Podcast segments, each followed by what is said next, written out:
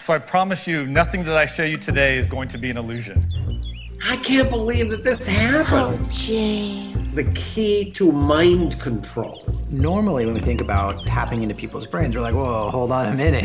It is necessary to put focus on techniques to disturb the brain because universities and security agencies are putting a lot of effort developing it. DARPA is the high tech research branch of the Pentagon. They already did it 60 years ago So it sounds a little wacky. and they didn't stand still. Is this even possible? And I have experience because they are practicing on me.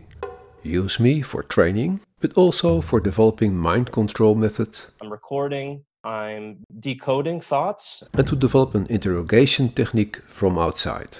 An unbelievable story, but true. This podcast is about how the Dutch Secret Service practice on Dutch civilians. Follow my podcast, Mind You, starting at 24 December on all channels.